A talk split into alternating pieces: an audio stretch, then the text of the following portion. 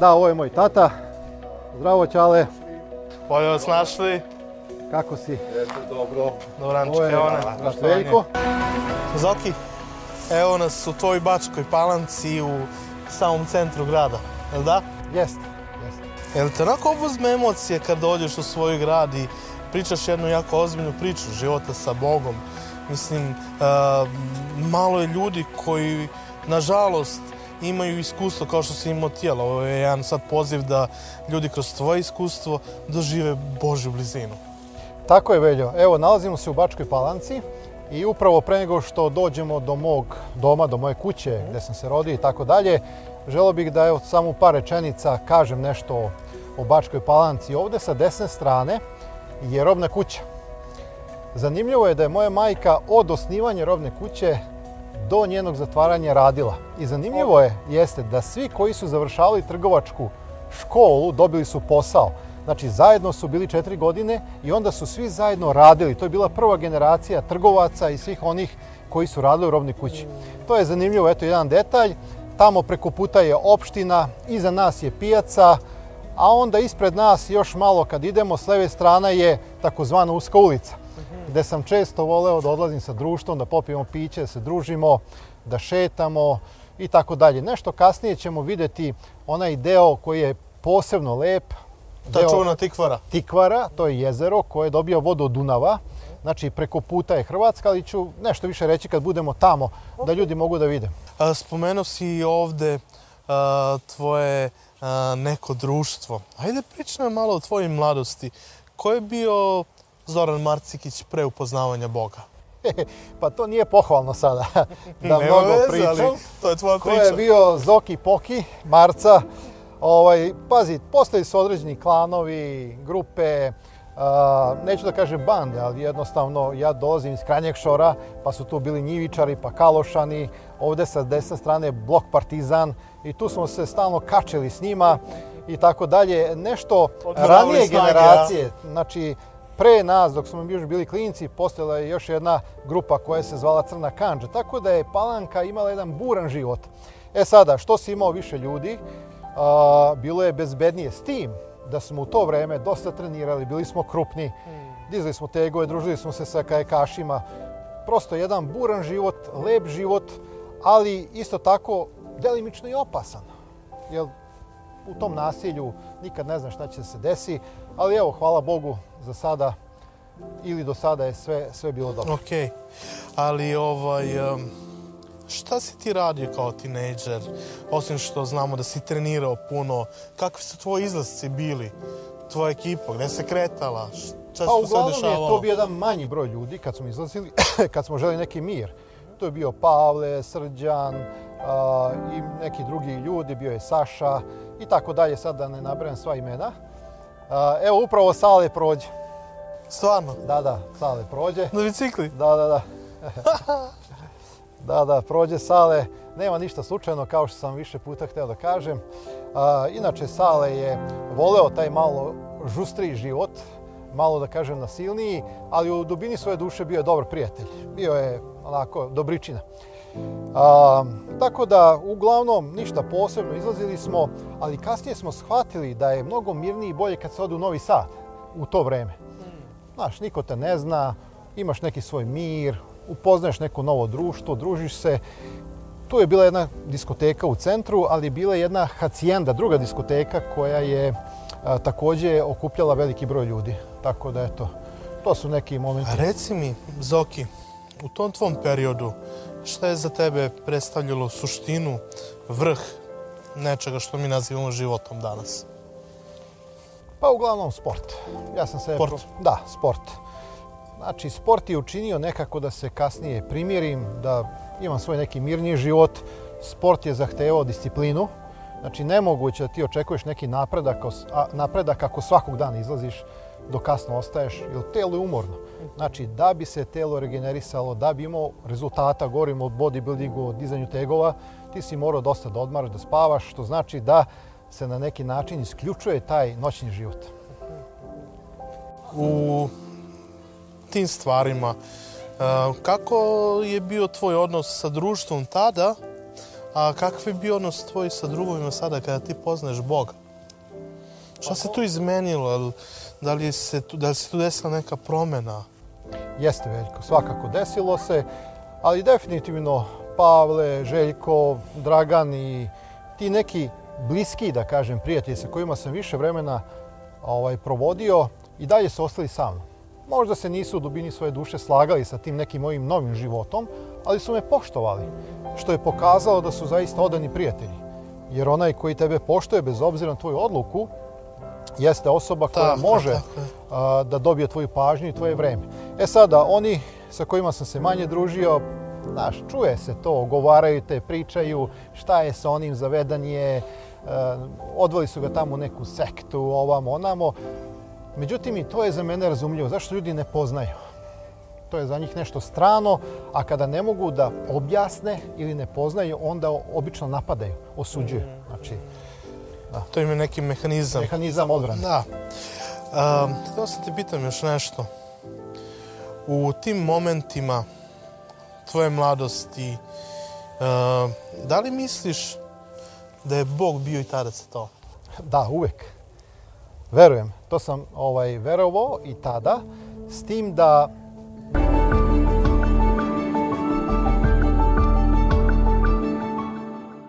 Uh, Zoki, malo pre smo se šetali gradom i tu si mi pričao neko, jedan period tvoje mladosti i detinstvo i sve to, ali bih voleo da te pitam uh, taj čudesan moment koji ti se desio kada si upoznao Boga.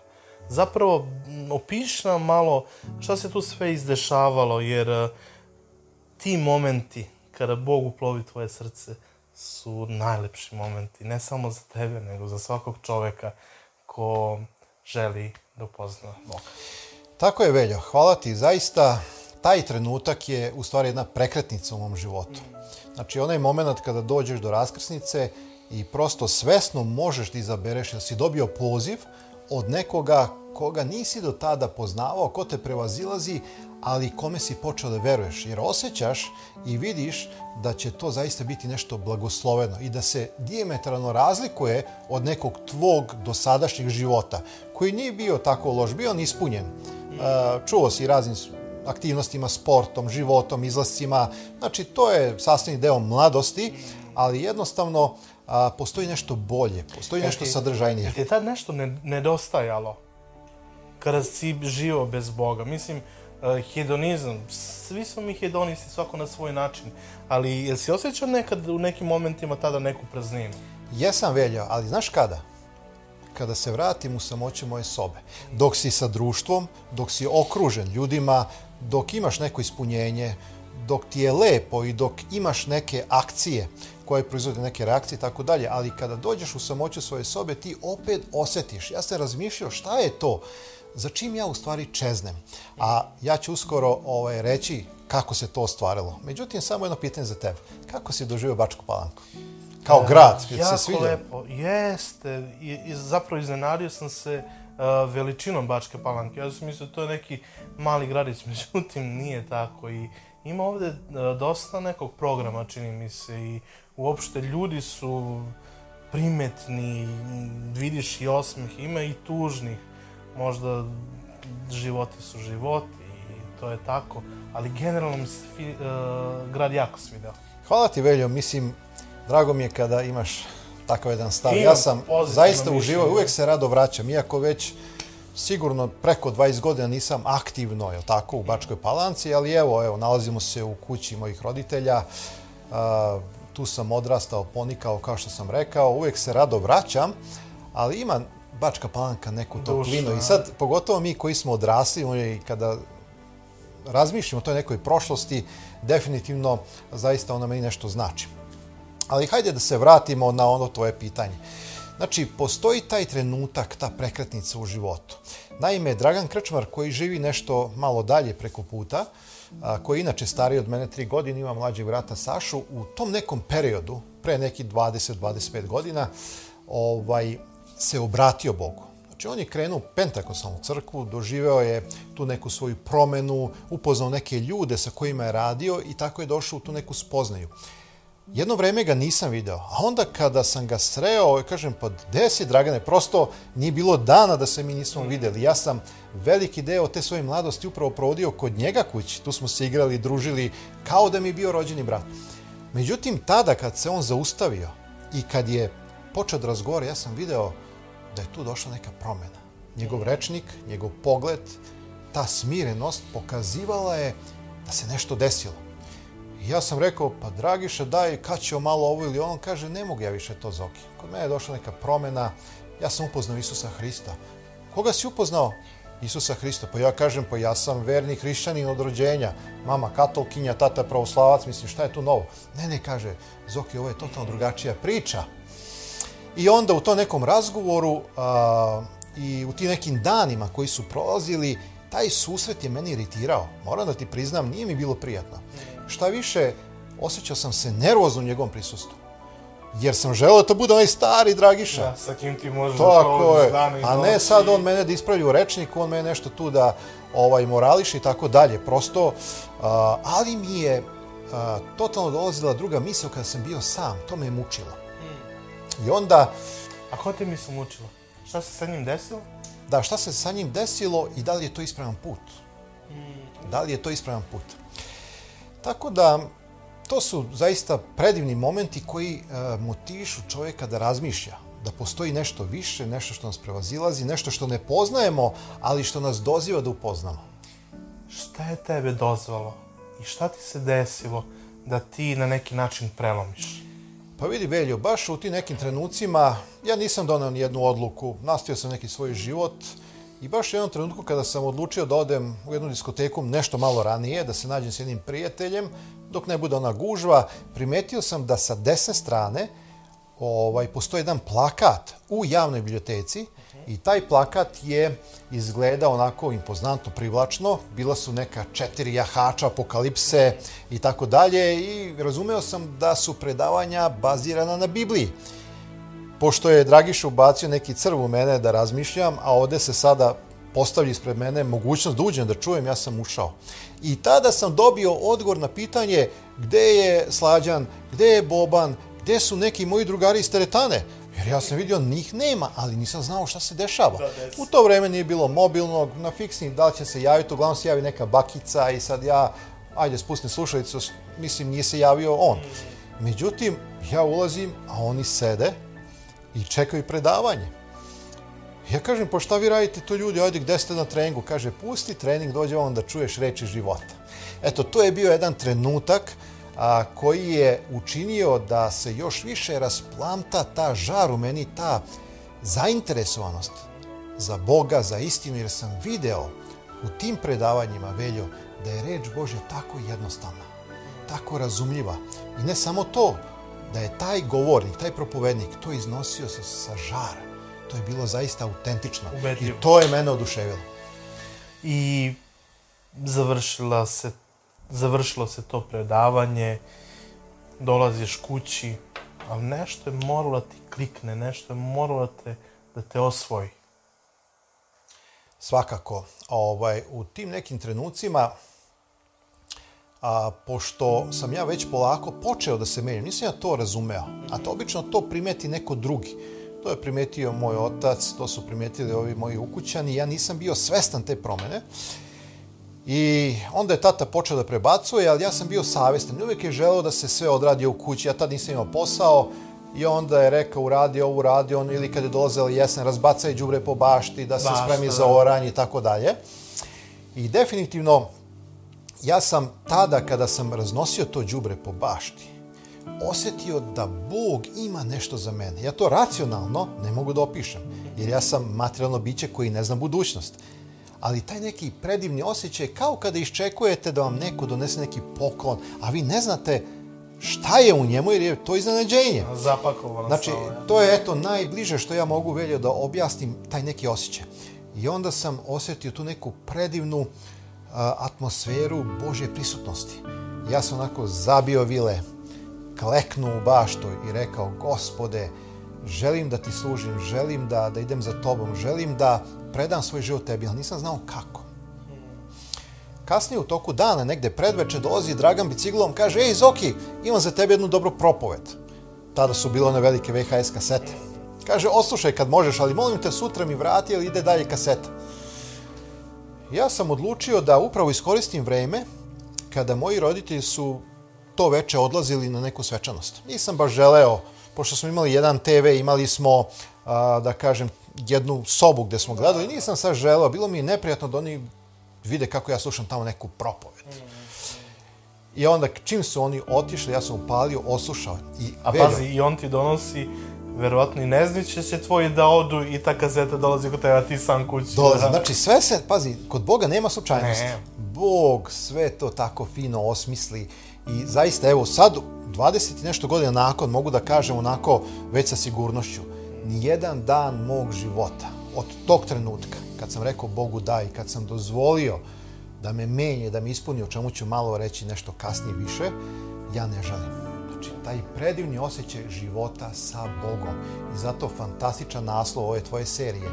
Život sa Bogom. Bogom koji je biće, Bogom koji te voli, Bogom koji za kojeg se kaže da te je nad lanovima izrezao, koji je napustio udobnost neba i došao ovaj svet da bi spasao tebi i mene. Kako da mu kažem ne? E sada, normalno, kad čovjek ne poznaje, ne može tek tako, ne zna ko je. Ali kako vreme odmiče. I sad se vratim. Ja ubacujem VHS kasetu 7 i neki crnac je propovedao. Ne mogu da setim imena, žao mi je, jer ipak kada kažete ime to daje respekt čoveku. Ali eto, u to vreme imao engleski nešto slabiji, kao i danas, nažalost, ali ono što sam uspeo da, da doživim jeste kroz ta slova koje sam čitao, taj prevod i taj njegov glas i ta njegova snaga, veljo. Znači, čovek kaže, onog trenutka kad sam rekao Isusu da, kaže, osjetio sam da moje srce raste svakako simbolično i da ga Bog ispunjava ljubavlju i da Duh Sveti mi daje toliko ljubavi da imam izgled ljubavi za ceo svet. I kaže, ja sam srećan, srećan, srećan. I ja se toga sećam. Ja sam isključio, krenuo sam ovim stepenicama gore i rekao sam, sada je trenutak, sada, Lomi. sad sam sam da predam život Bogu. Kleknuo sam u, ovu, u toj susednoj sobi bila moja, ovo je nekad bila spavaća mojih roditelja i tako dalje. Tamo sam kleknuo u samoći, stavio sam sveto pismo koje sam tad imao crvene boje, to je bilo babino sveto pismo, prevod Karadžić Daničić i dan danas ga čuvam. A, sa jedne strane, a sa druge strane stavio sam sve te rekvizite, nedozvoljena sredstva koja te čini velikim, ali utiču i na psihu, jer ako prestaneš onda se smanjuje, onda stalno si u nekoj toj, tom zatvorenom ciklusu i zaista to je jedan težak moment. To samo može Bog da oslobodi. Kleknuo sam, onako sam spustio glavu, sećam se, zažmurio zbog te poniznosti, ali sam podigao ruke kao da prizivam Božju blagodat i kažem, gospode, sada u ovom trenutku predajem ti svoj život, predajem ti celo svoje biće, ispuni me silom, menjaj me, čini sa mnom šta ti je volja. Velja, u tom trenutku, ne mogu da opišem ja sad to racionalno, to su ču, čudesna Božja delovanja. Sila. Da, ja sam osjetio kako neka toplota obuzima moje telo, kako doživljam neku slobodu, kako moj duh počne da diše u tom duhovnom smislu tim plućima, punim plućima. Osjetio sam da su okovi greha jednostavno spali. I toliko sam bio oduševljen. E sada, jedan moment koji je malo i smešan, ali je i dirljiv. Ja nisam bio svestan koliko je sati prošlo. Jer pazi, ja sam tu odgledao ovo, pa dok sam bio u sobi, dok sam se molio, u toj Božoj prisutnosti, na kolenima. Ja inače nemam običaj mnogo da klečim, smetam, bolu me kolena. Možda zato što imam preko 100 kila, ali, ali tada nisam osetio, velju, da sam ja na kolenima toliko. I osetim prisutnost, ali ne Boga. Kad sam se okrenuo, vidim majka stoji na dobratku. Plače onako tiho i njih htio da me prekida, jer s jedne strane vidi nedozvoljena sredstva, inekcije šta ja znam, s druge strane Bibliju, s treće strane vidi i moje suze. I ona ne zna, jadna žena, šta se dešava sa mnom. Da, da. I kad sam ja nju vidio, ja kažem, majko, predao sam život Bogu, tako sam srećan. A ona kaže, sine, daj da ja tebi razmestim krevet, evo pola jedan je, kaže, ajde ti spavaj. Ona ne zna šta je, ona misli da sam ja ko zna šta. Ja, uzeo? Ne zna žena. Ja sam onako legao i pored prozora posmatram pun mesec. Toliko sam bio srećan da bi negde oko tri sata. Polako sam sišao da ne probudim majku. I otišao sam da šetam. Izgubio sam, nisam mogu da spavam. I kad sam se vratio, ujutru, pošto sam tako noć proveo, malo sam duže spavao, spustio sam se dole niz stepenice, izašao u dvorište. I video sam kako moja majka plevi bašticu, imala je mnogo lepog cveća. Ovo što ćemo možda vidjeti kasnije, to su ostaci te predivne bašte gdje je bilo mnogo cveća. A, čak postoji jedna bela ruža koja još datira od njenog oca pre više od 20 godina. Ta ruža i dalje egzistira, to je bela ruža koju posebno čuvam. Ali da se vratim. Sada taj moment, ja dolazim do moje majke, stavljam joj ruku na rame i kažem, mama, dobro jutro. Kako ti imaš lepo cveće? Pazi, moja mama se začudila jer moja mama nikad nije znala da ja obraćam pažnju na cveće, to, da, na te da, stvari. Da. S drugim rečima, to mene nije zanimalo. Tebi je bilo bitno ta mišići, da se ti izgražaš. Da, znate, ono, tinejdžer, sport, društvo, provod, šta mene interesuje cveće. I kako samo je reagovala? Kako je reagovala? Mama me samo, taj pogled, taj nežan majčinski pogled. Žao mi je što moje majke više nema. Ali taj pogled, ovako me pogleda i kaže, Zoki, jesi ti opet nešto uzimala?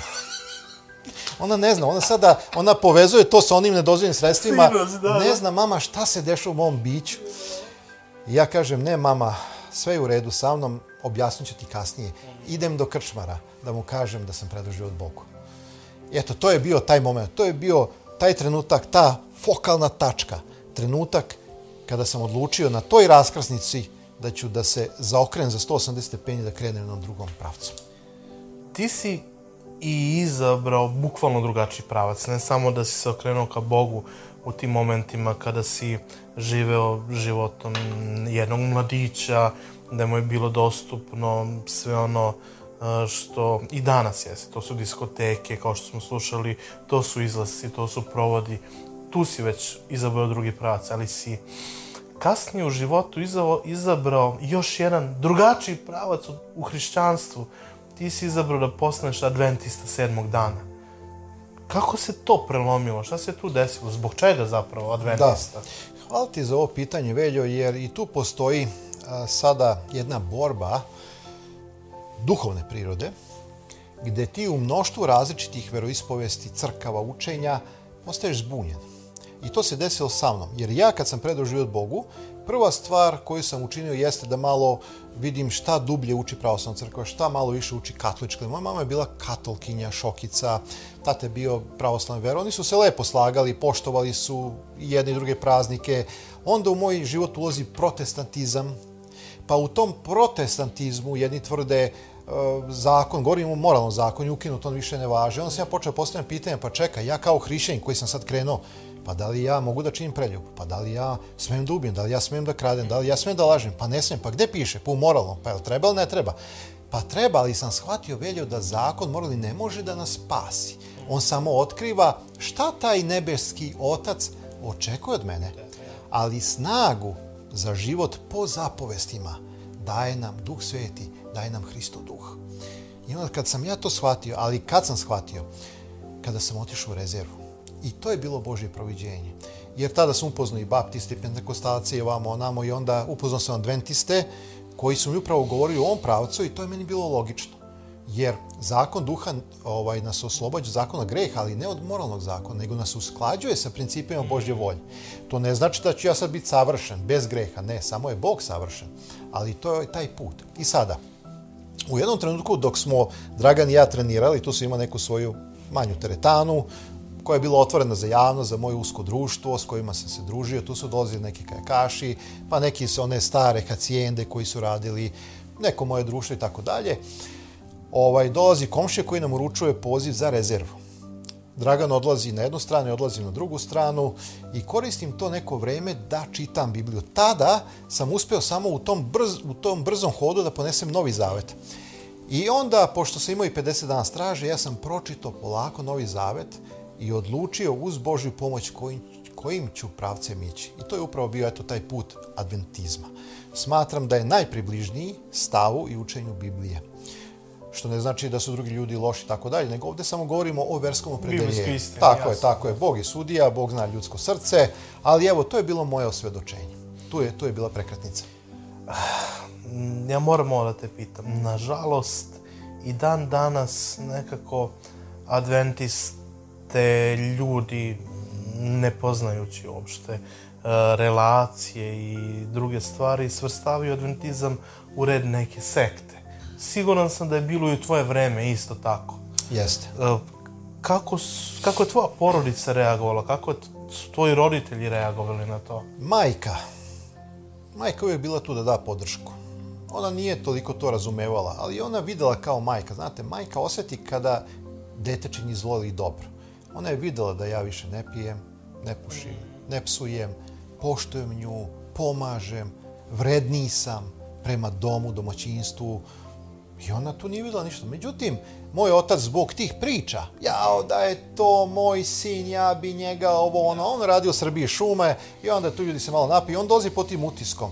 I sećam se posle tri sedmice kada sam uzeo babinu Bibliju, nisam imao svoju, i kada sam kupio prvo delo od nadnice, jer sam tada, nisam imao podršku finansijsku, jer sam išao da kopam kukuruz, i od te prve plate od nadnice ja sam kupio neko delo, najjeftinije koje sam našao u gradu, da bi eto, taj dan subotni bio svečan, da bi ja bio lepo obučen, da bi izašao pred Bog i tako dalje. Bog gleda na srce, to je nama jasno, ali evo, to je jedno, jednostavno želja da se lepo obučeš. I on je mene, on je rekao, šta si stao u dvorište? Idi, što pre. Jer trebali su da dođu neki šumari tu da uzmu neke motore, jer on popravlja mehaničar je.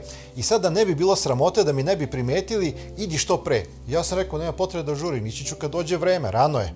I on je ustao i onako sa onim masnim rukama uzao me za, rever, za revere, onako isprlja mi to odelo svetlo i kaže, ko si ti?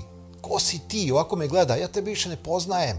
Ne možeš ti da živiš po zakonu Božem i da držiš subotu, ti mora da ovako, onako, svi rade subotu i tako dalje, od tebe neće biti ništa, nećeš imat posao, bit ćeš propalitet. I kaže, ja tebe ne poznajem. Zašto me ne poznaje? Pa zato što ga više nisam podržavao u tom rečniku, u načinu razgovora, nisam mogao više biti deo tog društva, jer jednostavno, i to je sad njega iritiralo. Mada samo da sada prebacim, evo 20 nešto godina, ta bolest, kancer moje majke i tako dalje uticalo je da se i on ponizi pred Bogom i da preda svoj život Hristu. On je isto učinio zavet u 73. godini, učinio je zavet biblijskim krštenjem. I sada je moj tata, meni brat u Hristu. A evo, samo sam teo da spomenem zbog uh, te Gledaoca, neke da. gledaoca, da shvate kako je Bog strpljiv, kako čeka određene trenutke, uh, da ne budem pogrešno shvaćen, Bog ne daje bolesti, nego Bog koristi situaciju da do, dozove čoveka i da ga spasi dok ima vremena. Uh, spomenuo si majku i ja znam da se u životu tvoje majke desilo jedno čudo kad je bila na samrtnoj postelji. Jo, da je ustala i da je počela da piše. Jeste. Samo jedan, jedan kratak presek. Prošla je prva operacija, ona i dalje nije predala svoj život Bogu u onom pravom biblijskom smislu. Ja sam tad živio u Kikindi, ona je bila u posjeti, imala još fizičku snagu, rak nije toliko toga zahvatio. Međutim, kad se vratila ovde u Bačku Palanku, sutra dan kada se sagnula da iz kofera izvadi stvari, ona je pala u nesvest. Nažalost, u tom padu na ćošak stola udarila je ovaj deo jagodice. Krv je počela da curi i ona je pala u nesvest. Ne zna ni ona koliko je ona ležala, ona samo shvata da se već ta krv okorela, kako se to kaže, osušila na tepihu i da se to sve slepilo za njeno lice. Ali u jednom trenutku čula je snažan glas, kao trube. Ona veruje da je to bio Božji glas ili anđelski, koji je rekao, Marija, ustani, nije ti vreme. I moja mama se podigla. I ona u tom podizanju pruža ruku misleći da je tata tu negde, njen muž, da je uzme jer misli da mu da, Da on to, to rekao, da, da, da, on da. to govori. Međutim, ona vidi da nema nikoga, u stvari osjeća, nekako otvara oči, pokušava da vidi gde je kupatil, umiva se i odlazi u radionicu da ukori mog oca kakav je to muž. Da, ustani, Rekao nije je- vreme, A, a nije, nema ga. A ne. Međutim, kad je moj tata nju vidio i kad joj je rekao, Marija, ja sam ovde najmanje tri sata, izvinjam se, najmanje tri sata, ne, ja ne znam o čemu se radi. Onda je moja majka došla, sela, pozvala mi i rekla je, zove mi propovednika da me spremi za biblijsko krštenje, jer me Bog moj poziva. A onda je bolest uzela maha, jer je Božji put bio da prosto je uzme zato što zna da će vaskrsnu posljednji dan, znači smrt nije gubitak. Apostol Pavle kaže smrt, ne bojim se smrti, smrt mi je dobitak ili šta je znam, znači pojam smrti iz biblijske perspektive nije kao za ateisti. Znači, ima nade. I sada ono, znači, ona je nemoćna. Veljo, ona leži, ona ne može, ona je na infuzijama. Znači, to je bilo desetak dana pred smrt. Ona je te noći ustala i napisala svojim rukom pismo. To je bilo Božje čudo. A u tom pismu je dala ohrabrenje, oproštenje mome tati za njegov život, objasnila nešto moje sestri, a meni je napisala, pošto zna da sam teolog, da me ohrabri. Kaže, a tebi, sine moj, kažem, ne brini se za mamu, ja se ne bojim smrti, jer je moj Bog sa mnom. I posle par dana je zaspalo u gospodu. Ali i dan danas to je lep rukopis. To je samo Božje čudo preko nje Bog je u stvari ohrabrio sve nas da ne brinemo. Isus kaže, ja sam vaskresenje i život, koji veruje u mene, iako umre, živeće. Uh,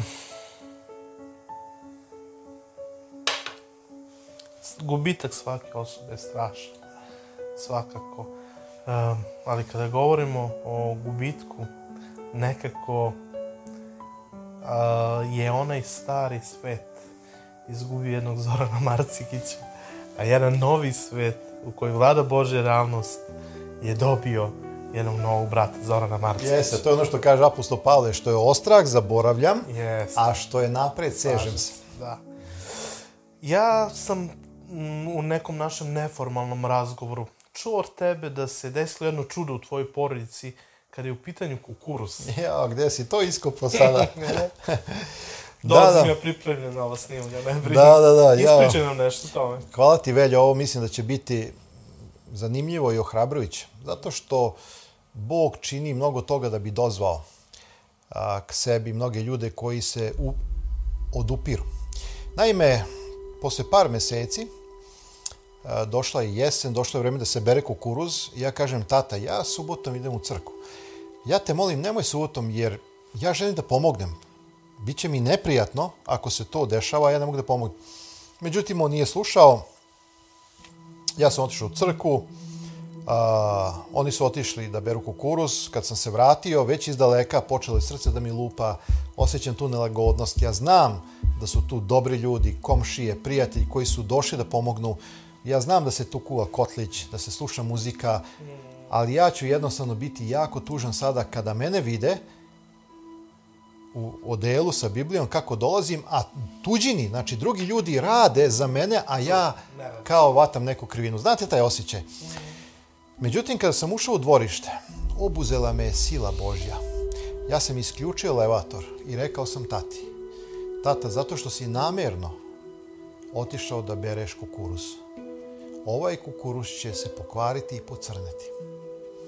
Ja ne znam kako sam ja to mogao, to nije prosto i dan danas se čudim, ali to je bilo Boži delo. To su čuli svi ljudi koji su bili, oni su ponovo uključili elevator, uključili muziku, ja sam otišao da se presvučem, popao sam se na prikolicu i seo sam i počeo sam ja da ubacujem. Posle nekih mesec dana mama je rekla, Zorane, dođi na ručak, tata je došao kući. I kad sam ja seo za sto, pitam, pa gde je tata? Pa kaže, otišao je nešto do tavana da skine neki deo, on tamo ima neke delove. Jer inače na tavan smo stavljali kukuruz, nismo imali neki poseban ambar ili šta je. On je ušao u kuhinju, potpuno izgubljen. I tihim glasom rekao, Marija, ostavi tu kašiku, idi na tavan i vidi kukuruz. Pa šta je Jovice bilo? Idi, Marija.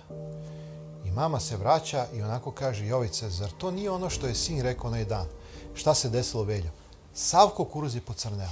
Zahvatila ga ona bolest, kako se kaže, zaboravio sam. Neka buđ. Nešto. Buđ nekaga. Znači, mi smo te godine, pošto je bila jesen, sačuvali sva drva, jer smo, nažalost, morali da ložimo kukuruz.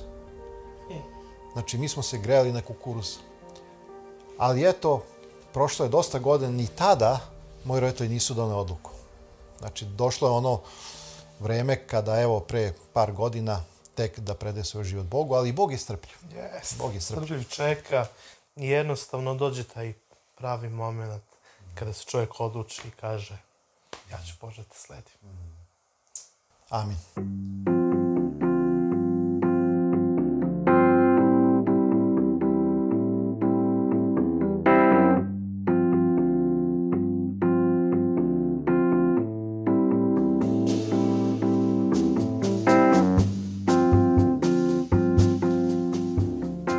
Veljo, brate, evo, stigli smo na jednu od najlepših lokacija u Bačkoj Palanci, to je jezero Tikvara, a, gde sam zaista proveo veliki deo svog detinjstva, svoje mladosti. Znači, već krajem aprila, pa sve do kraja sezone, ovo je bilo mesto gde smo se kupali, družili, uživali. Pa mogu da te razumem da se ovde provodi toliko vremena kad je ovako lepo, čoveče. Jeste. jeste. Jako lepo. Vidiš, Veljko, sa leve strane, to je već Hrvatska. Tamo dalje je most 25. maj. Kad se pređe most 25. maj, ulazi se u Hrvatsku. E sad, problem je jedan samo što su granicu stavili baš na sred. Da su samo malo povukli. Mi bi mogli nesmetano da uđemo u Srem. Nego moraš da uđeš u Hrvatsku i onda malo putuješ i izađeš ponovo Znaš, ali ok, kako je, tako je. Često sam odlazio tamo na tvrđavu i tu smo se zaista igrali. Išli smo biciklama i tako. Tako da, eto, to je deo života. Mm, a po čemu je Tikvara za tebe tako posebno mesto, Zoki? Jel si Pa- ovde pronalazio nekad Boga u nekoj tišini? Jesi Au, li da, ovde da. imao te neke momente? Šta ti se sve dešavalo? Pa pazi, kad je reč o Bogu i o tom odnosu, to se dešavalo nakon uh, mog obraćenja i tako dalje, kada je došao taj period života. Inače, u toj nekoj svojoj mladosti nisam mnogo razmišljao. Bio sam hrišćanin po defaultu, sam se rodio u hrišćanskoj porodici, ali zaista ti momenti, to je ona tamo lokacija gde su čamci, nekih od tih čamaca je bilo mesto za moju molitvu, za uživanje u miru, tišini u prirodi. To su bili uglavnom jutarnji sati, kad nije bilo mnogo ljudi. Ili možda večernji sati, kada ljudi odlaze svojim kućama i kada nekako opet Može se osamiš, a? tako je, stvaruje se taj mir. Ovde je bilo inače dosta više drveća i tako dalje, to su posekli, malo se tu nešto izmenilo. Ovaj most, ovaj most je pre nekih 20 godina napravljen. Inače, Dunav se uliva preko Popova, tu ima jedno malo Te mesto. Dunosa tamo negde, a? Da, da, Dunav je sa leve strane i puni jezero Tikvaru. I Tikvara je bila zatvorena. Međutim, ono što su sada uradili sa ovim mostićem, ovim kanalom, oni su učinili da voda cirkuliše. Tako da stalno dolazi voda iz Dunava i ovde izlazi. Sad je nizak vodostaj, Da, ali kad je viši, da. Da, da, da. Tako da nekada deca kad je viši vodostaj vole da skaču. odavde. Odavde. A, okej, okej. Reci nam još nešto o Tikvari. Ti se je ovde kupao A, mladić, kupanje. Brčko. Kupanje je bilo svaki dan kada je bilo vremena. Međutim, tikvara je, tikvara je dobra i za, i za pecanje. Mm, Znači- a baš neki ribar, vidi, vadi mrežu. Da, eno, vadi se mreža. Inače, ovo je bila omiljena lokacija moje majke. Tamo, tamo sa desne strane su se vadili, vadili dobri šarani, štuke. Da, da, to je bilo poznato mesto. Za pecaš. Lepo. Mislim, ja, ja isto volim da pecam i znam pecanje kakav mir može da donese jednom biću. Ako skontaš šta znači pecanje. Da, da, da. Ali spomenuo si ovde da su deca skakala. Gde si ti skakao? Gde si volio Da, skačeš? ja sam Veljko u to vreme voleo da skačem sa jedne vrbe na Popovu, tako se zove to mesto. To je jedno mali usek, da sada ne idemo zbog vremena, gde ulazi Dunav u Tikvaru. I sad tu postoji jedno sećanje gde sam sa društvom jednog dana otišao sa namjerom da skačemo. I tu je bila jedna velika vrba, okay, koja je onako bila prema vodi i omogućavala da se ti popneš na vrbu i odeš malo tamo dalje gde je dublje. I sad, ja sam skakao prvi. Skočio sam kao i uvek, ne razmišljajući o ničemu. Onog momenta kada sam ušao u vodu, mislim kada sam skočio u vodu, osetio sam jak bol. Osetio sam nešto tvrdo između rebara i ovog unutrašnjeg dela tricepsa ruke. I kada sam izronio, vrlo brzo sam shvatio da sam Veljko, ja skočio prema jednom drvetu koje je bilo kao koplje. A to rade čamci, čamđije koji pecaju, međutim, da bi usredili čamac. zaveža, ja. Jeste, međutim, on je otišao i nije izvukao to drvo. Došla je, je tako, došao je vodostaj, on je prekrio nekih desetak, 15 cm vrh tog drveta, nikoga nije video. Nisam ni očekivao. I evo, to su ti trenuci gde jednostavno nas Bog čuva. Znači, samo malo da sam išao levo ili desno, ja bi bio proboden. Da li bi preživeo, ne znam. Jel imaš neki tako moćan moment kada znaš da te Bog sačuvao, Zoki? Ima. Ima. To je period kad sam radio u Livnici. Znaš, i to je bio period upravo nakon mog krštenja. Jedan buran period gde ti osjećaš da Sotona baš i ne želiš da si krenuo tim putem. I pokušava na razne načine da ti nešto smesti, da te povredi, ali Bog je taj koji čuva. U jednom trenutku, moj mentor mi je rekao, kaže Zoki, pošto sam ja radio u livnici kao kalupar, kaže Šta to Zoki, znači? kalupovo sam, uh, kalup? jeste kalupe koji su se kasnije, u koje se kasnije ulivalo vrelo gvožđe i tako su bili odlivci. A, okej. Zavisi da li je bio blok motora, tanjirače, delovi neki i tako dalje, šta je bilo poručeno. I sad pazi velja. Kaže meni majstor, uzmi ovu malu kanticu, idi u livnicu obojenih metala i uzmi kvarcni pesak. A kvarcni pesak se posipao da se model prilikom vađenja ne zalepi. E sad, pošto je to nestalo, ali ja nekako odugovlačim, kao još nešto da uradim. A meni kaže mentor, pa dobro, da li me čuješ? Hajde da završimo pre pauze.